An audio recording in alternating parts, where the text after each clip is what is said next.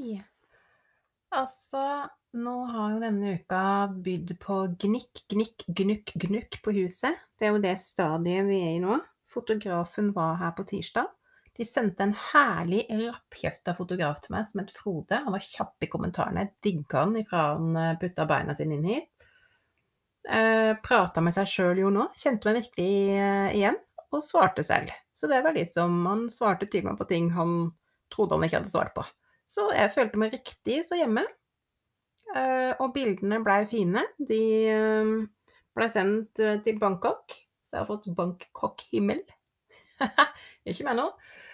Iallfall, de kom fort tilbake, og annonsen ligger nå inne på finn.no. Og nå blir det altså visning til neste uke. Det var mye nå, men sånn er det altså nå. Velkommen til Josefa-yoga fra sjel til sjel. Dagens episode den blir spilt inn i eh, senga, for denne uka så har det vært eh, såpass mye. Og yogarommet, der er det såpass tomt nå. Mens soverommet har fortsatt en del robuste møbler, så der går det litt så bra. Vi er jo kommet et stykke på vei. Ehm, nå blir det visning 17. mars. Det gleder jeg meg veldig til. Eller det vil si, jeg grugleder meg. For før fotografen så var det sjukt mye. Eh, og det som er fordelen når du skal ha fotograf, da, det er jo det at du kan gnu alle bodene dine full, ikke sant? Fordi du skal jo ikke ha skittentøyskurv, eh, toalettholder, ingenting skal stå i dusjen. Altså det skal jo være så clean og reint, da. Og det skjønner jeg jo, men det er jo klart at i mitt hode er det enda mindre logisk at du tar vekk skittentøyskurven. Fordi disse menneskene vil jo også se boden din.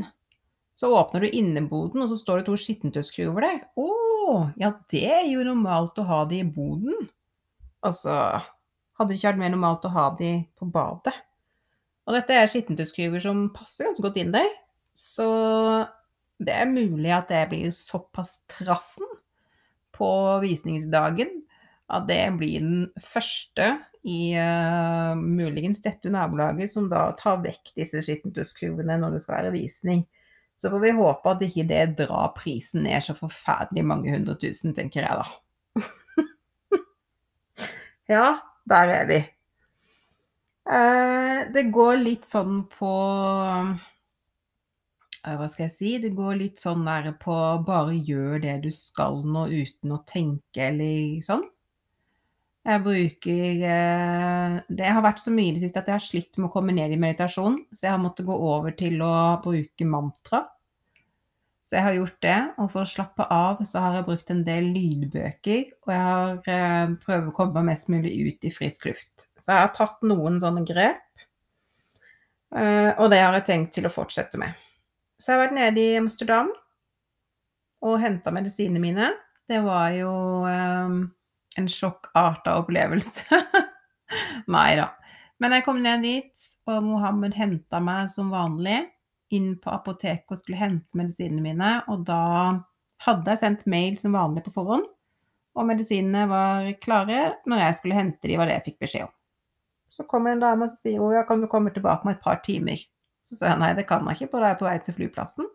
Jeg har kun fire timer ned i Amsterdam, så du kan få en time, maks to. Ja, det hjalp ikke så mye. Så sa jeg nei, men det er faktisk alt ikke mitt problem. For nå bor jeg i Norge, og dere har fått mail på forhånd. Ja, hun skulle prate med sjefen sin. Smart, gjør det. Jeg sto der, og da kom sjefen, og så sier hun at ja, de medisinene var ikke ferdige, så måtte jeg komme tilbake.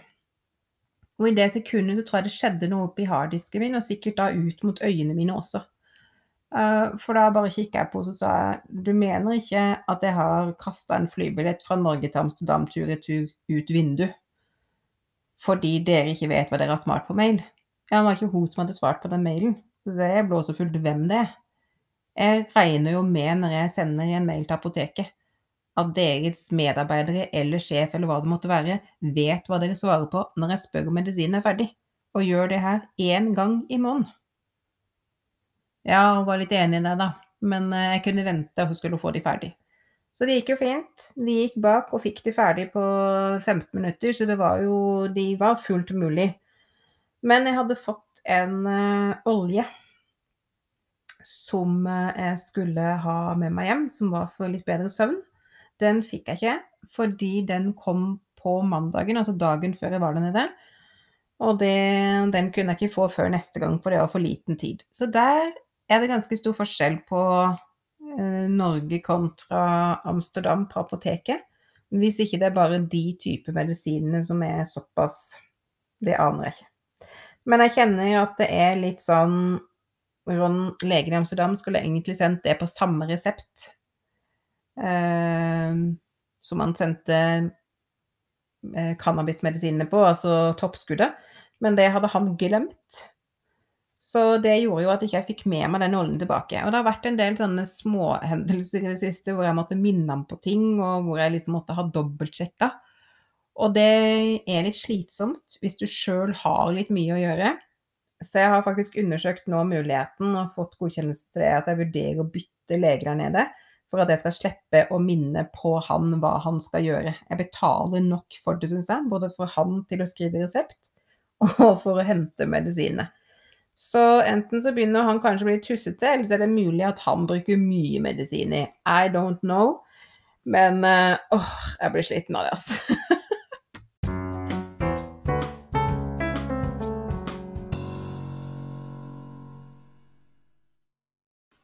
Men de som kjenner meg, de vet jo at jeg har litt hardt for det. Staheten lenge leve. Altså det er jo en grunn for at jeg har eh, en innebygd tvilling inni kroppen min. Eh, så jeg prøver jo veldig ofte å oppdra meg selv. Snakke meg til rette. Men det er jo ikke alltid at det går veldig bra. Så når jeg sto da på ja, skulle til Amsterdam. Jeg husker ikke hvilken dag, om det var tirsdag eller onsdag, for nå har jeg glemt det selvfølgelig. Samme. Men da så jeg på et par nye sko som sto i skoskapet. Eller på tekniske rommet i skohylla. Og så tenkte jeg Neimen, skulle man prøvd dere på denne turen, da? Passer så fint til antrekket. Og så hører jeg liksom eh, tvillingsøstrene fornuftige si nei, nei, nei. Vi avtalte sist, da fikk du vannblemmer, at du går for lave sko. Så det gjør du nå. Lave sko. Ja, men de her er veldig lav hæl, prøver da den andre tvillingen å si. Ikke sant? Så det her blir ikke på samme viset. Jo, det gjør det. Nei, jeg tror det kommer til å bli bra. Så jeg prøvde med litt lavere sko, men jeg, det ble jo ikke den fresen på det, ikke sant? Og jeg skulle jo tross alt ut på ferie. Ja, så da tok vi disse nye skoene. Disse klikk, klikk, klikk, klikk, klikk, klikk. Hæ? De tok jeg. Ja. Eh, det var ikke så gærent denne gangen, det skal sant sies, for de er ganske gode sånn bak på der jeg pleier å liksom få, uh, få uh, vannblemmer. Det er jo bak på hælen. Men dette her, på disse skoene, så flytta det til seg under lilletåa på begge skoene. Og det er ikke så dårlig, egentlig. For du får ikke så mye trykk på lilletåa. Så jeg følte ikke at jeg hadde vondt i beina, egentlig, før jeg tok de av når jeg kom hjem. Men da skal sant sies at da kjente jeg det meget godt. Så da satt jeg og masserte mine egne bein og tenkte Er det mulig å bli så dum? Lærer du aldri? Har du veldig hardt for det? Hæ? Ja. Sånn satt jeg og tenkte Hm, bare få det ut. Spy det ut, tenkte jeg da. Så får vi se neste gang åssen det går da, om dette sank inn. Om det var eh, vannblemme på lilletærne som skulle til for at jeg skulle ta det litt mer comfy neste gang. Tiden vil altså vise. Iallfall når jeg kom på eh, togstasjonen, så prøvde jeg å forte meg alt jeg kunne da, på disse klekk-klekk-hælene mine. På et underlag på asfalt som noen har forsøkt å pepre av med singel. Så det var jo ikke så veldig behagelig å gå. Det gikk jo heller ikke det forteste, må jeg jo innrømme. Så jeg var jo veldig letta når jeg kom opp perrongen og fikk se at taxien fortsatt sto der. Så jeg åpna døra, slang meg inn i taxien og sier med en gang 'tusen takk for at du venta på meg'. Og han bare 'ja, ja, nei, det var klart jeg måtte'. Toget er jo forsinka av og til, så det var ikke vits å ringe deg. Det var bare å stå og vente. Helt sånn Herregud, så skjønn. Så når vi hadde kjørt dit, så fant vi ut, eller så fortalte han da at han var fra Chile. Fikk til og med fortalt meg to eh, Heter det chilianske vitser? Jeg tror jeg hører det. Det er iallfall sagt med ømhet. To chilianske vitser, fortalte han meg. Um, og vi lo godt, begge to. Og når vi kom nærme hjemme, så sier han ja, er det her? Så sa jeg ja, du kan bare ta inn med postkassene. Og så til salgsskiltet. Der er det. Så sier han hæ, skal du selge? Ja, skal selge. Å ja, hvor stort er det? Hvordan ser det ut? Nei, det er forskjellig hvor stort det er, og at det er tre soverom, at det er to bad. Og han bare Hæ, har du to bad? Ja. Det har vært en helt nydelig drøm, for jeg kom fra et hus hvor vi delte med sju stykker, og vi hadde ett bad. Så det å få være til syvende og sist to stykker i et hus med hvert sitt bad, det er virkelig, virkelig luksus, det må jeg si. Og du så han ble litt sånn åh, i øynene, og så sier han at vi er på utkikk etter et sted i den prisklassen.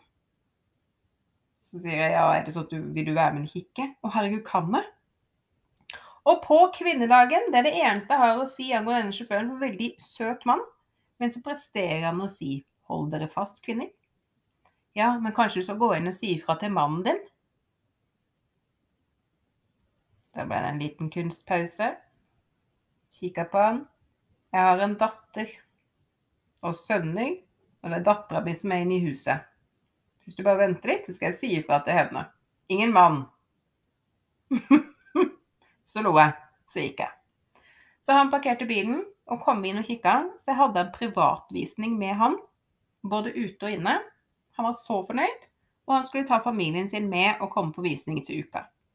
Min datter trodde at det var klekka for meg, og hun bare du som er så introvert, du har vel aldri tatt noen fremmede inn i huset ditt og vist det rundt? Og jeg kan ikke annet enn å si meg enig. Men altså, hallo, jeg skal da selge dette huset? Og dessuten så måtte jeg jo liksom informere da megleren om hva jeg hadde gjort, så jeg sa at hvis han tar kontakt, så har han allerede sett huset inne og ute. Da fikk jeg tilbake at eh, det må tro jeg det må være det råeste jeg har hørt, sa han. Du vil virkelig selge, du? Og jeg bare Ja. Selv om jeg alt i alt i denne tåka er livredd, så kaller dette sjelen, på sjelen min så høyt og så sterkt at det er det rette å selge og gjøre det jeg er på vei til å gjøre. Selv om jeg ikke aner neste steg, så må jeg bare fortsette.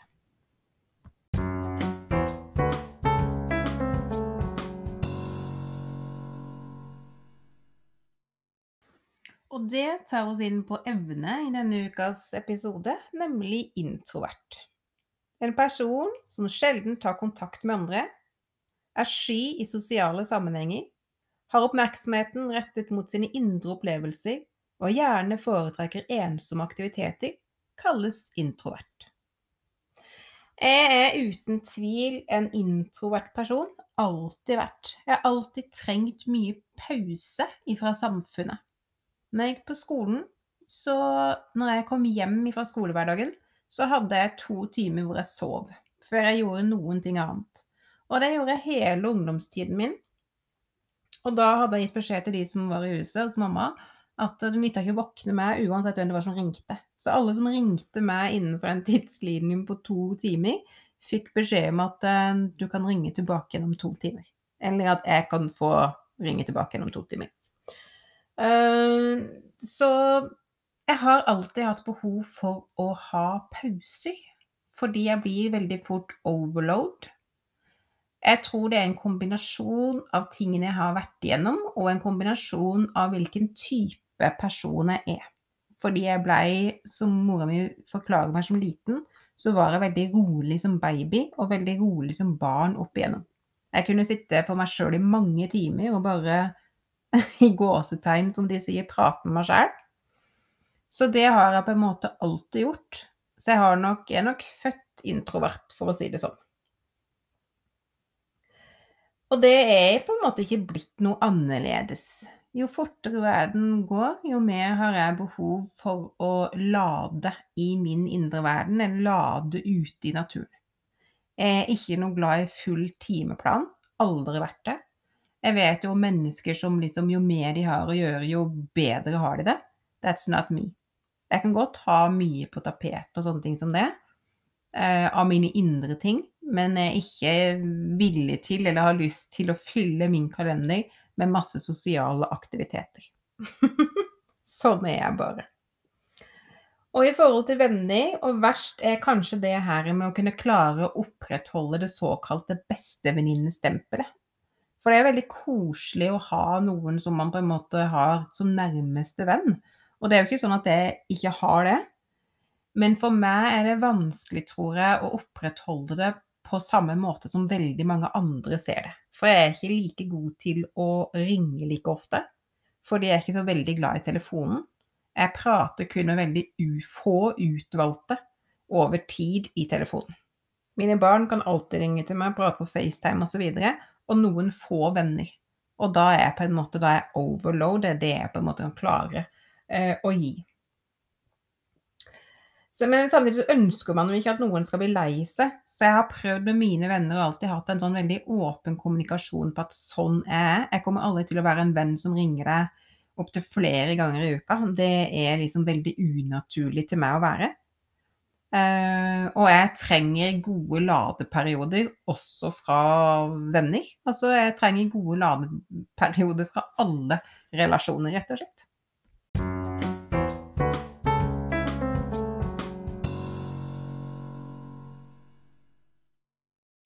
Det er absolutt ganske mange ganger jeg kunne ønske at jeg var mer ekstrovert enn introvert. Jeg er blitt mer eh, glad i det nå, og mer på en måte godtar at sånn er det. Men jeg ønsker jo at jeg kunne på en måte være like på og invitere til de store festene. Um, ja, kunne være, holde litt mer ut energimessig på det punktet, da. Men jeg har ikke sjans. Hvis jeg blir overload, så blir det bare til at jeg ikke klarer å kommunisere ordentlig. For jeg stenger egentlig litt av på den informasjonen som kommer inn. Fordi jeg har mest sannsynligvis da blitt pepra med så mye energi at mitt system bare sier overload, overload og lyser rødt lang vei. Eh, og da er det akkurat som jeg bare kobler ut. Så det har jeg liksom bare innsett at for at jeg skal ha det best mulig med meg sjøl, så må jeg bare gi klar beskjed om hva jeg trenger, og øh, lage de grensene og de rammene som jeg trenger mest, da, eller som gjør at jeg kan fungere best i hverdagen min. Og så får heller andre tenke at jeg er rar, eller hva det måtte være, men det er det som på en måte fungerer for meg. Uh, og jeg skal være helt ærlig og si at det er veldig få mennesker med den rette energien som gjør at jeg virkelig kan slappe av i deres nærvær. Og når jeg finner det, så syns jeg det er deilig å henge med noen som ikke nødvendigvis skal uh, be til et stort selskap hver gang dere er sammen. 'Å, nå skal vi endelig møtes, da ber vi fire venninner til.' mm, trenger ikke det. Det er liksom Denne energien funker for meg. Vi trenger ikke liksom lagre masse med noen til. Og jeg skjønner jo at man gjør det fordi at man ønsker å være hyggelig. Mens for min del er det egentlig bare litt problematisk, for jo flere mennesker, jo flere energier å forholde seg til. Og når man er ganske sensitiv og merker uh, de fleste energier, da kan det være slitsomt. Men selv om jeg er veldig introvert, så er det jo ikke sånn at jeg er helt altså bare introvert. Jeg jo, kan jo også klare å være ekstrovert og være sosial med andre. Men jeg lader ikke i sosiale sammenhenger. Jeg lader aleine eller med én eller to sjeler til som jeg ja, har helt perfekt energi med, som gjør at jeg egentlig kan lade i min boble, og de kan lade i sin, men man kan være på samme sted kanskje småsnakk innimellom osv. Man bare vet det når man treffer den sjelen. Og det har jeg gjort noen få ganger i livet mitt, og det føles nydelig. Og jeg har det sånn med noen få mennesker. Noen mennesker som du bare vet at åh, det skal jeg virkelig, virkelig slappe av med. Samtidig så har jeg jo en venninne av meg som er en barndomsvenninne, som jeg har hatt uh, siden jeg var ja, barndomsvenninne. Jeg har hatt siden jeg gikk i andre klasse. Um, og hun er kjempeekstrovert. Hun lader nok veldig mye med å være sosial med andre. Og jeg, hun, hun er den, stort sett den eneste jeg har en fest med én til to ganger i året. Um, og jeg har det skikkelig, skikkelig gøy. Det gir meg masse god påfyll og energi, for hun ler masse, synger og i det hele tatt helt herlig. Så det er jo ikke sånn at jeg ikke trives sammen med de menneskene som er mer sosiale. Det er bare at jeg blir nok ikke den som blir med på hvert sprell de skal gjøre. Og det drar meg jo litt sånn inn med tanke på hvis jeg skal liksom gå inn i et forhold igjen, så er jo det også en ting som er litt viktig. Fordi det å være introvert er jo en del av min personlighet.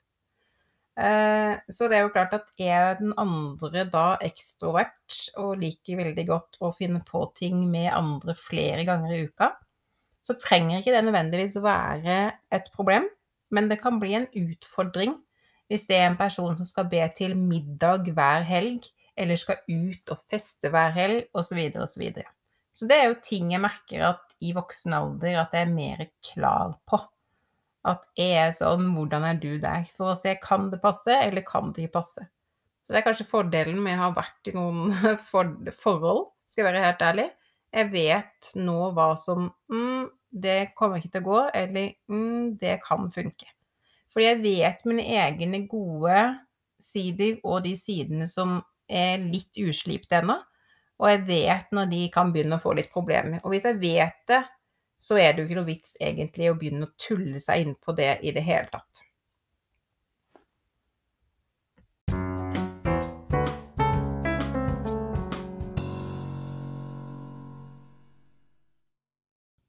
Som regel så sier de jo at introvert og ekstravert, alt det her, det havner liksom midt, altså midt på, da. At de fleste mennesker har litt av hver del, og at det liksom de, det går helt fint å sjonglere det der med sosial og alenetid. Men så har du noen som er helt i ytterpunktene, som er veldig introverte, eller som er veldig sosiale, og som på en måte de får nesten litt sånn angstfølelse av å måtte være aleine. Eh, jeg er nok en av de som har fått høre, og jeg tenker jo det sjøl òg når jeg tenker på det, at jeg er nok en av de som er veldig introvert. Eh, og det er klart at hvis jeg da skulle vært sammen med en som hadde vært helt i ytterpunktet på sosial, så ja, da kunne det godt være at han hadde fått seg, eller hun hadde fått seg en svømmetur i Mjøsa etter en stund, ikke sant. Tenk deg det, det hadde ikke gått i lengden. Under PMS og alt kommet hjem, og så hadde det vært eh, full fest, liksom. Skulle overraska meg med.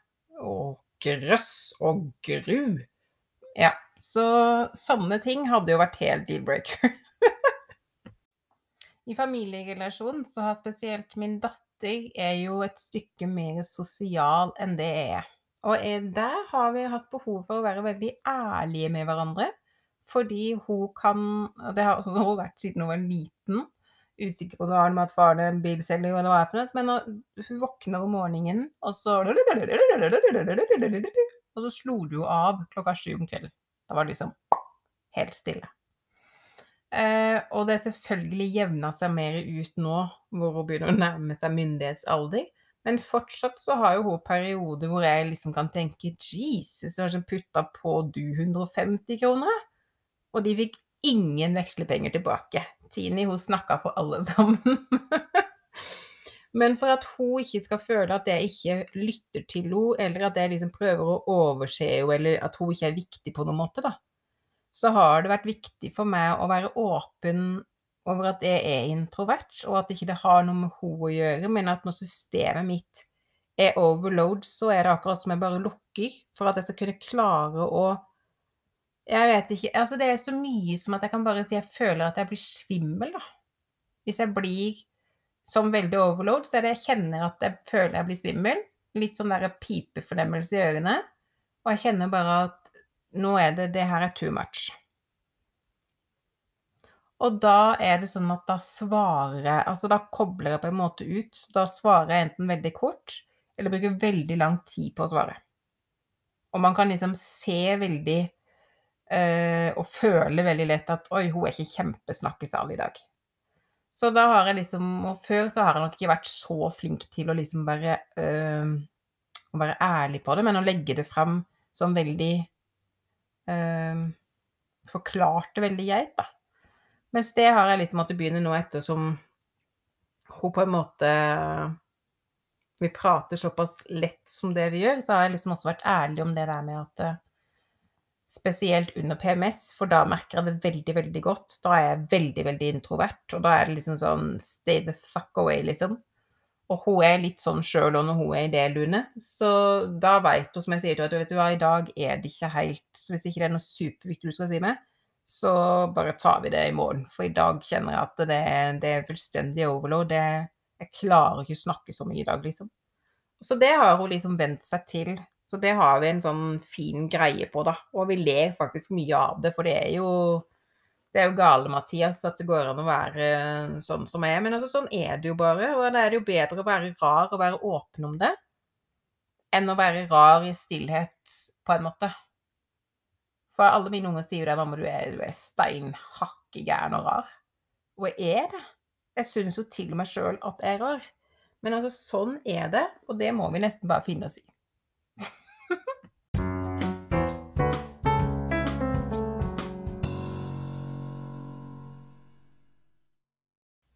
Men det er ikke noe genialt for meg å ha noen kjæreste eller partner som er for introvert heller. Jeg trenger også noen som på en måte kan ha det litt livlig med og ha det litt gøy med. For jeg liker å leike og danse og ha det moro i hverdagen, liksom. Så det er også litt viktig. Så er det sånn den gode komboen der, den er jeg helt avhengig av. Så sånn sett så syns jeg det er helt super at uh, Tine er såpass sosial som hun er. Og hun utfordrer meg jo, eh, og det trenger jeg jo absolutt. Så det, det liker jeg veldig godt. At hun utfordrer meg litt på de sosiale tingene. Fordi hun kan jo, siden hun var liten, har hun liksom gått hen og snakka med vilt fremmede folk på butikken. Og eh, gitt et tips og råd om hvilken kjeks som smakte best, og hva de burde kjøpe. Eh, og ivrig spurt hvor de skal og hvor de bor, osv. Så, så det er godt man er forskjellige, og man er jo unike alle på hver sin måte uansett. Men jeg vet jeg har venninner som liksom syns at jeg setter litt sånn høye krav når jeg skal finne meg en ny partner, fordi jeg liksom sier veldig klart rett ut nå hvem jeg er som person, og hva jeg på en måte ser etter, da. Og det kan godt være at det er litt sånn høye krav for noen, men samtidig så tenker jeg det at nå er jeg blitt til den alderen hvor jeg trives egentlig ganske godt aleine. Men jeg har jo selvfølgelig en drøm om at jeg skal få meg en partner igjen en gang. Men da må det være en partner som passer til den personen som jeg er. Da må det gi meg ny energi og, og god påfyll når vi er sammen. Ellers har det ingen vits i for meg, for å være helt ærlig. Og da er det jo ikke vits i at jeg på en måte ikke sier noen ting, eller later som jeg egentlig bare ikke bryr meg om de tingene. Så er det kanskje noe som betyr mye for meg, veldig viktig. Da syns jeg det er bedre at jeg er ærlig på det, og at ikke vi sløser bort tiden til hverandre. Såpass, kall det gjerne kall, kall for hva du vil, men såpass eh, edelig og redelig tenker jeg at det er bedre å være, altså. Og samtidig så er det nydelig for meg å komme til en sånn posisjon som en sterk kvinne, å kunne fortelle hva jeg trenger, og dette er mine behov, og jeg går ikke under det. Det syns jeg er helt nydelig. For til syvende og sist er det meg selv jeg skal være sammen med hele tiden. Og jeg kan kun trives best med meg selv hvis jeg har de, øh, de tingene der i boks, da. De tingene som betyr mye for meg, de må være i boks også som partner. Hvis ikke så er livet bra on my own. Hei, litt American inn her. Yes da!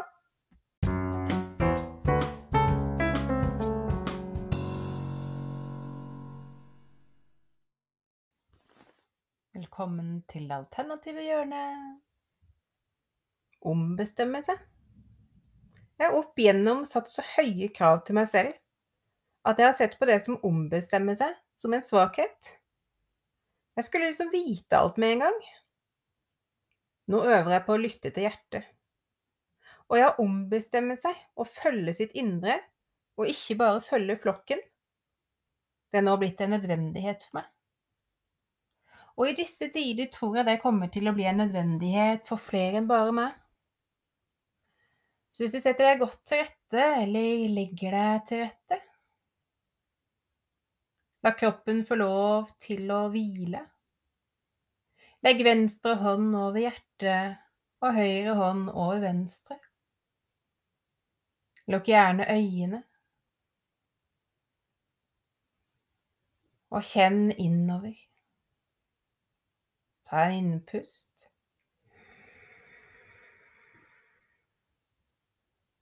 Og en utpust. La skuldrene få lov til å synke mer ned i underlaget, eller vekk ifra ørene, på hvert utpust du tar. Ta en ny innpust.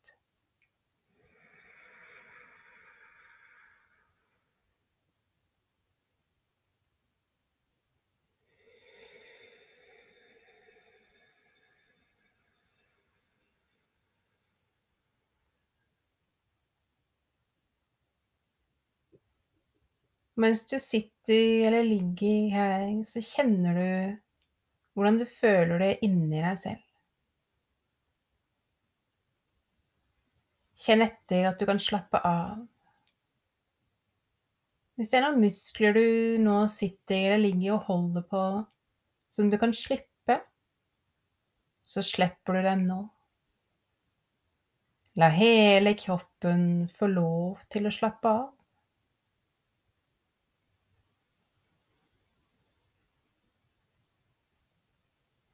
For i dypet av deg selv ligger din indre sannhet. Men for å nå den, så må man mute bråket fra utsiden. Alt omgivelsene mener, tenker, rolle man har, det andre forventer, det man forventer av seg selv. Alt det man gjør uten å lytte. Mens når du sitter helt stille i kontakt med deg selv, kjenner pusten din. Kjenner musklene få lov til å slippe taket. Magen får lov til å utvides.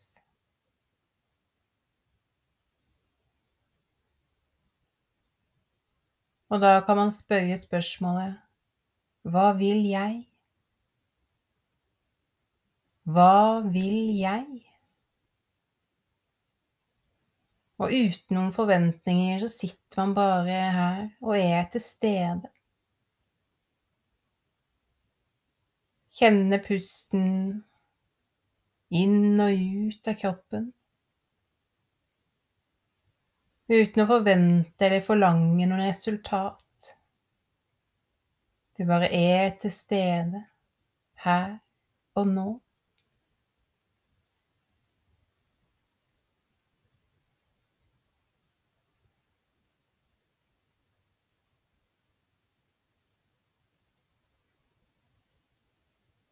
La kroppen få lov til å hvile. Hele kroppen slapper av.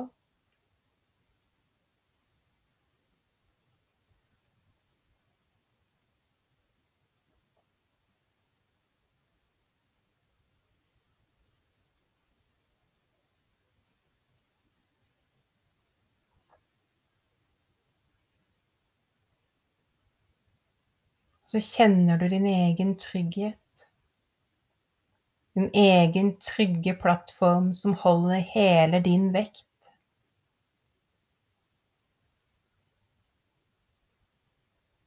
Når du tar en beslutning, så er det den rette beslutninga for deg. Hvis du tar deg tid til å sette deg ned og puste og kjenne og lytte innover og dempe bakgrunnsstøyen til det rundt.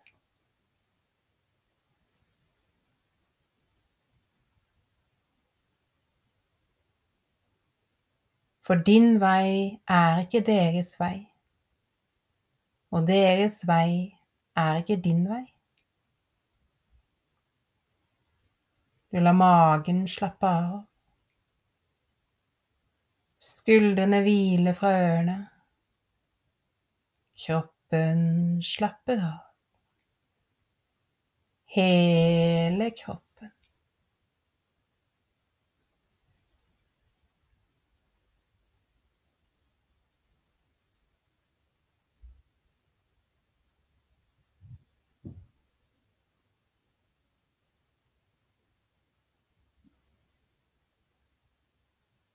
Kjenn tryggheten.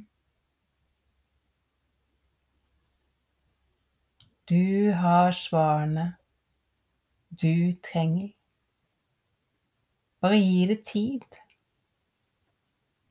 De kommer ikke alltid når vi ønsker. Plutselig kommer de mens vi står og tar oppvasken,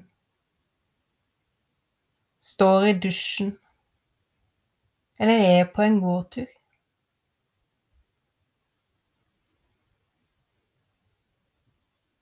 Vær tålmodig.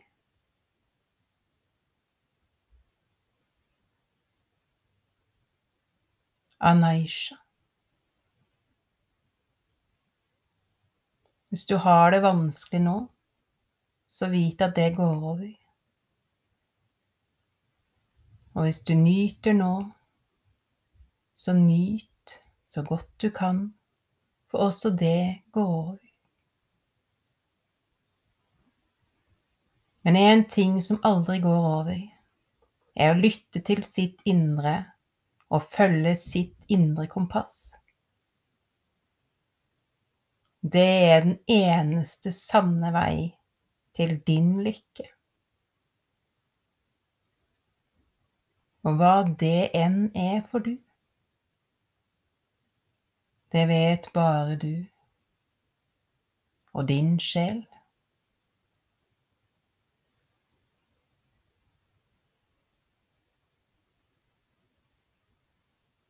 Så pass på din indre flamme og din indre magi. Verden trenger den. Ta en ny innpust.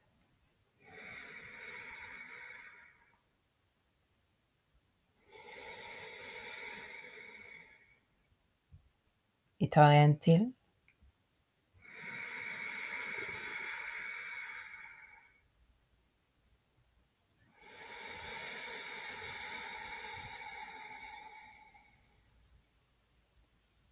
Siste innpust.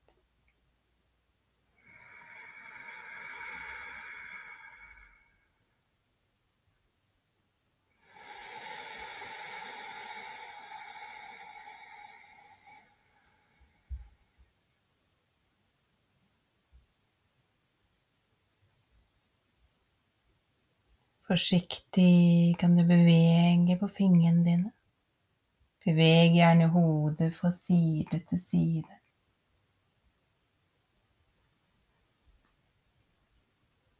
Beveg gjerne på tærne dine. Strekk på kroppen din, og kom forsiktig tilbake igjen til rommet. Og husk at kraften, den ligger inni deg.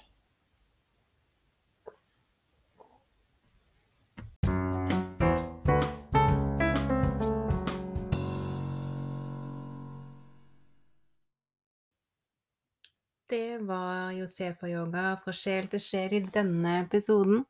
Jeg håper at du har kost deg, for det har jeg. Selv om den er i seng, og selv med litt mindre energi, så er jeg veldig, veldig lykkelig. Jeg vet at dette er en sånn der lite hinder man må over i forhold til det som møter en. Det er alltid skummelt når man skal gjøre noe som er helt nytt. Så det er bare å følge med i flyten og tillate at det er som det er akkurat her og nå. Og så er det jo som, som jeg sa, kraften den ligger inni oss selv. Jeg ønsker deg en superduper helg når den tid kommer. Og så husk at selv om du er på noe litt på hælen, og du skulle gjerne gjort det i går, og du kjenner at kroppen bare ikke orker, lytt til kroppen din. Det andre, det kan du ta igjen Men når kroppen først har sagt stopp, så sier den stopp. Så lytt alltid til kroppen. Først pri nummer én, og så kan det andre komme siden. Tuttelu!